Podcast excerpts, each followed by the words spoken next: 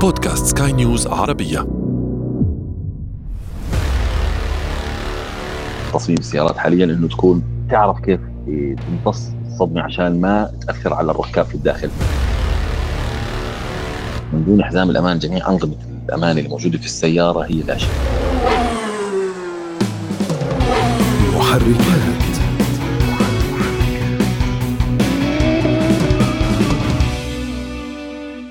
نسمع كثيرا عبارات من الشركات الصانعة للمركبات بأن مركباتها الحديثة صنعت لتمتص الصدمات وتحمي حياة الركاب فإلى أي مدى ذلك صحيح؟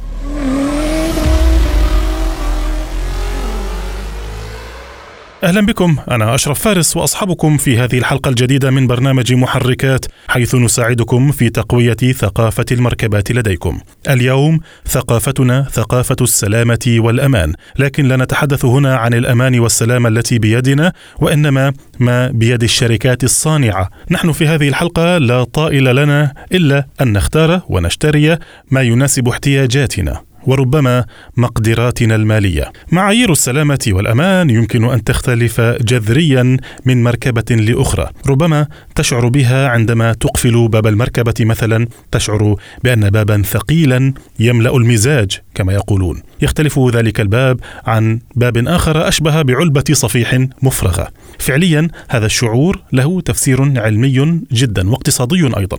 بداية من المصنع وليس انتهاء بالفني الذي يقوم بصيانة تلك المركبة إن تعرضت لحادث. وهناك من الخبراء من يقول بأن المركبات العالية أكثر امانا، وهناك من يقول بأن مركبات الكهرباء أيضا أمينة في الحوادث لكونها ثقيلة. آخرون يرون العكس تماما في المركبات الكهربائية لكونها مليئة بالبطاريات.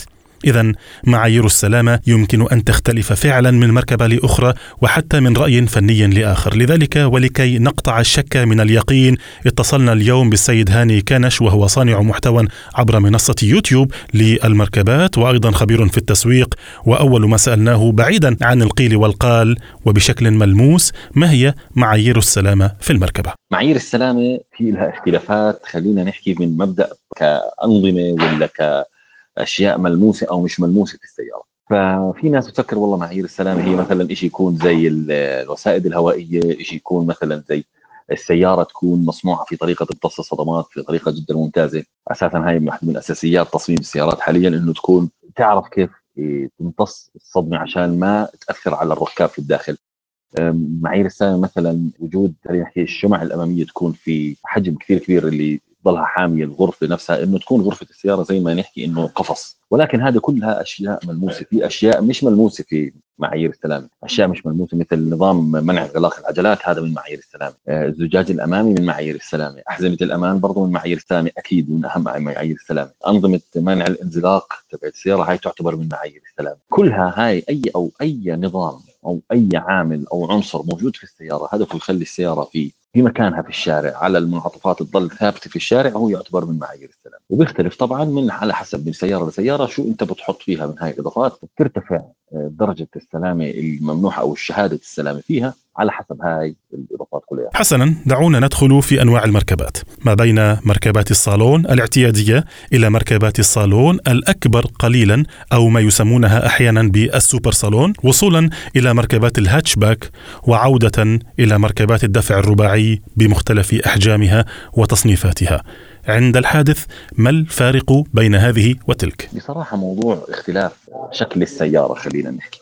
زيادة درجة الأمان هذه يعني فيها وما فيها خصوصا حاليا في 2022 على سبيل المثال زمان سيارات الدفع الرباعي أو السيارات المرتفعة عن الأرض كانت تعتبر على المنعطفات مش السيارة الثابتة حاليا نشوف سيارات الدفع الرباعي أو سيارات متعددة الأغراض بخصائص رياضية وبالعكس إنما بتكون على المنعطفات زيها زي السيارة العادية. في ناحية امتصاص الصدمات لا يوجد أي اختلاف حاليا ما بين السيارة إذا كانت دفع رباعي، كانت صالون، كانت سوبر صالون، كانت هاتشباك. ما في أي اختلاف. في بعض القوانين تم فرضها على صانعين السيارات في تغيير شوي من تصاميم السيارات، على سبيل المثال السيارات المربعة أو اللي يسمى في الإنجليزي ال box shape كانت في الولايات المتحدة الأمريكية تمنع في بعض الحالات السبب مش آه السبب معايير سلامه للمشاة مش للركاب.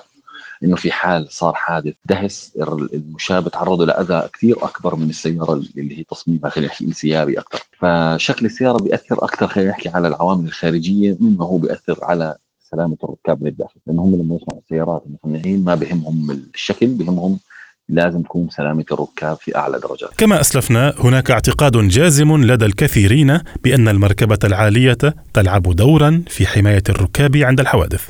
فما مدى دقة هذه الفكرة؟ السيارات كلياتها سيارات أمينة. آه، كلهم بتم صناعتهم ضمن عناصر أو وضع عناصر الأمان في الدرجة الأولى من الاهتمام للمصممين والمصنعين فشو ما صنعوا هلا السيارة هي تعتبر في درجة الأمان اللي كثير عالية.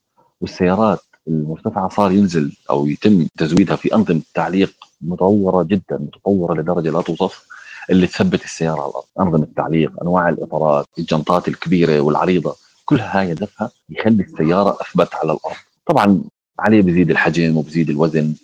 فهاي برضه كلياتها عناصر بتأثر على أداء السيارة بشكل كثير كبير. المواصفات الإقليمية تلعب دورا، هناك مقولات تعلي كفه المركبات ذات المواصفات الأوروبية والأمريكية على صعيد حماية الركاب من الحوادث، وذلك من منطلق نوع الحديد ونوع الحماية المستخدمة، فما مدى صحة هذه الأفكار؟ هلا هو ما في اختلاف إنما في قوانين أكثر يعني أوروبا وأمريكا قوانينها صارمة بالنسبة لدرجات الأمان، لازم تحصل على درجة عالية جدا في اختبارات السلامة.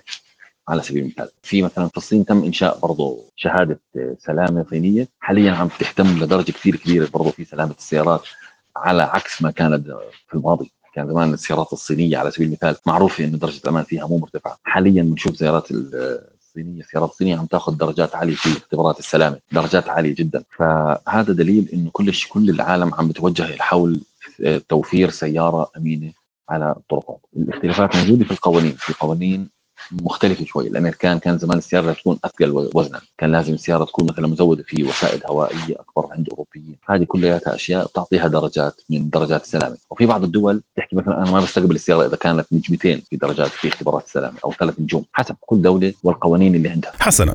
بما أن اشتراطات السلامة في تلك البلدان تفرض وزنا معينا فالمعيار الذي نتحدث عنه هنا هو وزن المركبة. ومن هذا المنطلق يرى البعض أن المركبات الكهربائية هي أكثر امانا أثناء الحادث لأنها ثقيلة. آخرون يرون العكس تماما بأنها أكثر خطرا. هلا وزن السيارة هو موضوع ما له علاقه في أمان السيارة؟ حاليا بنشوف إحنا سيارات خفيفة الوزن وأثبت على الطرق لأنه بيتم استخدام الهواء لتثبيت السيارة. في الحديث عن وزن السيارة والسيارات الكهربائية والهايبريد هو وضع أو خلينا نحكي المكان اللي بيتم فيه تثبيت بطارية السيارة، أغلب الحالات بيتم تثبيت بطاريات السيارة الكهربائية في منتصف السيارة في الأسفل، هذا الشيء بيعطي السيارة مركز للجاذبية أو ثقل للجاذبية في منتصف السيارة، فعليه بكون خلينا نحكي احتمالية انقلاب السيارة جدا صعب، لأنه في اللحظة اللي بدها ترتفع عجلات عن الأرض ترجع ثقل الوزن تبعها اللي هو في منتصف السيارة وفي الأسفل ينزل السيارة على عجلاتها، هون هي الفكرة الأساسية. مشان هيك السيارات الكهربائية صعب جدا إنها تنقلب، سيارات ال hybrid برضه على حسب وين موجود البطارية، إذا موجودة في الخلف فتوازن السيارة ما بكون في أفضل حاله، إذا موجود البطاريه في أسفل السيارة بكون جدا ممتاز، ولكن الوزن ليس هو علامة ثبات فعلا والدليل إنه السيارات اللي كانت تنصنع في السبعينات هي وزنا اثقل من السيارات اللي حاليا موجودة في بعض السيارات خلينا نحكي السوبر صالون وسيارات الدفع الرباعي أو خلينا نحكي سيارات متعددة الأغراض. مع هيك حاليا السيارات الاخف وزنا هي سيارات أثبت على الطرق لأنه عوامل أنظمة التعليق عوامل الإطارات الجنطات هذه كلها أهم في تثبيت السيارة من وزن السيارة. بالحديث عن الوزن معروف أن المركبات القديمة كانت أثقل وزنا وهي مصنوعة من معادن أكثر صمودا. ما نراه هذه الأيام هو العكس تماما. عند الحادث تتحول المركبة وكأنها كتلة حديد معجون. البعض يتهم الشركات بالتوفير على حساب معايير السلامة والأمان. الشركات ترد بأن هذه التقنيات تهدف أصلا لحماية الأرواح ولكن على حساب المركبة. السيارات القديمة كانت آمنة بطريقة شوي مختلفة. كانت تحاول إنه تخلي الحديد أقوى في السيارة. فكانوا يشوفوا إنه كل ما زادت صلابة السيارة كل ما كانت أمن. كان في أنظمة الأمان مثل أحزمة الأمان مثلا اللي كانت دراسات في الفترات الماضية أثبتت إنه إذا أنا بخلي في مكانه في السيارة أمن له ولكن الغرفه تبعت السيارة ما كانت تتحمل الصدمات مثل الغرف حاليا. ما بتتحمل نهائيا مع إنه السيارة حاليا تنصنع من مواد جدا أخف من الحديد اللي كانت تنصنع منه الفترات القديمه، إحنا سيارات أنا بنشوفها carbon fiber وهي مادة جدا خفيفة، مع هيك بنشوف سيارة تتحمل حوادث تصادم جدا عالية، ممكن السيارة يبطل فيها أي جزء شغال صحيح، وممكن السيارة ما يتم تصليحها نهائيا بس بتضل غرفة الركاب في مكانها، تضل غرفة الركاب محافظه على قوتها، هذه كلها هندسة جديدة. خلينا نحكي مأخوذة من نفس التصميم وال هندسة الإسقاطات إسقاطات القوة. فهون بنشوف إحنا صلابة السيارات الجديدة. أما السيارات زمان كان معروفة. حديد ماشي؟ هيك أنا بحافظ على السلامة وهذا مو هو السبب الرئيسي كان في الحفاظ على سلامة الركاب. والدليل كان إنه في بداية تسويق الوسائد الهوائية وأحزمة الأمان ثلاثيه النقاط اللي هي هلا حاليا موجودة عندنا كان كان يسوقوا لها إنه الآن درجة أمان أعلى. صدقوا أو لا تصدقوا هناك نقاط قوة ونقاط ضعف في كل مركبة، ومكان الحادث يمكن أن يشكل فارقا كبيرا في حجم الضرر على المركبة. هلا وين السيارة بتاخذ الضربة هذا موضوع برضه كبير كثير. آه ما بهم حاليا المصنعين وين السيارة تاخذ الضربة أو ما بهم المصنعين شو راح يصير في السيارة. آه ممكن إحنا نشوف سيارات ألمانية مثلا تصطدم من الأمام ما يضل فيها ولا شيء في مكانه.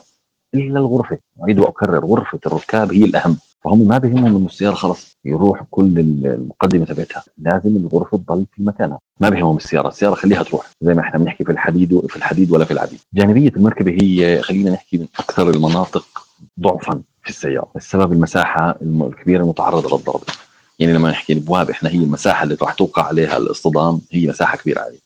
مشان هيك بنشوف الوسائد الهوائية الجانبية أكبر بمراحل من الوسائد الهوائية اللي موجودة في أمام السائق والراكب الامامي، الوسائد الأمامية الجانبية موجودة في الكراسي، موجودة في السيارة في السقف وفي الجوانب ومن الأسفل، فكمية الوسائد الهوائية هاي هي وظيفتها إنها تحمي الركاب من الجنب، كل زي ما حكيت لك كل المصنعين بيحاولوا يثبتوا هاي الطرق من خلال استخدام تصاميم مائلة. نوعا ما إحنا بنشوف دائما الأبواب تكون مائلة من المقطع الجانبي ما بتكون أبواب مستقيمة لأنه إذا ميلتها لسه بتستقبل الضربة في طريقة أفضل. في النهاية السلامة تبدأ من داخل المقصورة. سرعة القيادة، وضعية الجلوس، أنظمة الحماية الداخلية وجودتها كلها أو على الأقل أحدها يمكن أن يصنع فارقا حقيقيا ساعة الحادث. التأكد من وجود أنظمة الحماية هو أمر مهم، خاصة لو كانت المركبة تعرضت فعلا لحادث سابق. النقطة الأهم في معايير السلامة اللي لازم نحكي فيها هي دائما التفقد أنظمة السلامة.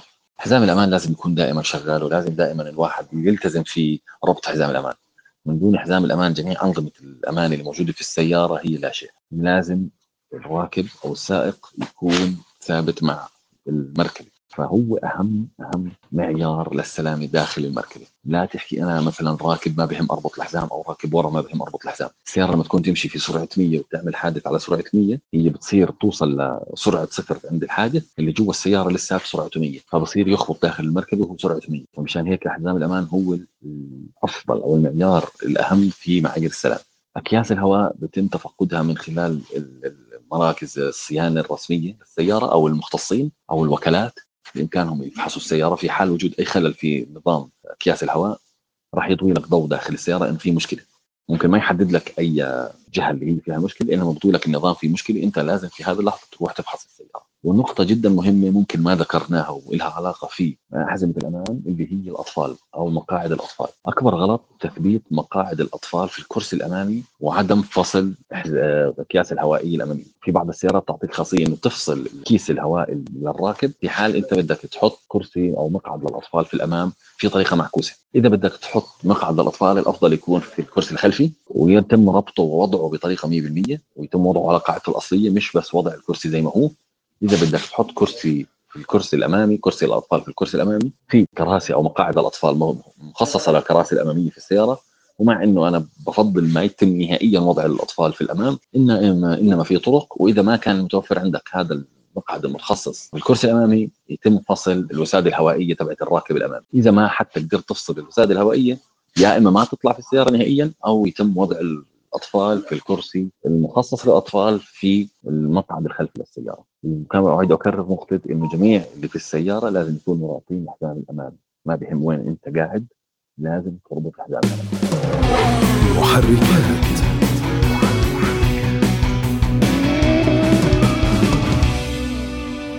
وبهذا مستمعينا وصلنا إلى ختام هذه الحلقة. نتمنى أن نكون قد أفدناكم بمعلومات جديدة وجيدة في مركباتكم. الشكر موصول لضيفنا اليوم السيد هاني كنش وهو خبير في تسويق المركبات وأيضا صانع محتوى عنها عبر منصة يوتيوب. طبعا إذا كانت لديكم أي مواضيع تحبون تسليط الضوء عليها اكتبوا عنها في التعليقات أسفل هذا البودكاست إذا كنتم تتابعوننا عبر منصة جوجل أو منصة أبل. صحبتكم في هذه الحلقة إعدادا وتقديما محدثكم أنا أشرف فارس. كان معي في الإخراج الفني آدي طبيب. نلقاكم في حلقة أخرى من برنامج محركات حيث نسعى دائما لتقوية ثقافة المركبات لديكم. في أمان الله. محركات.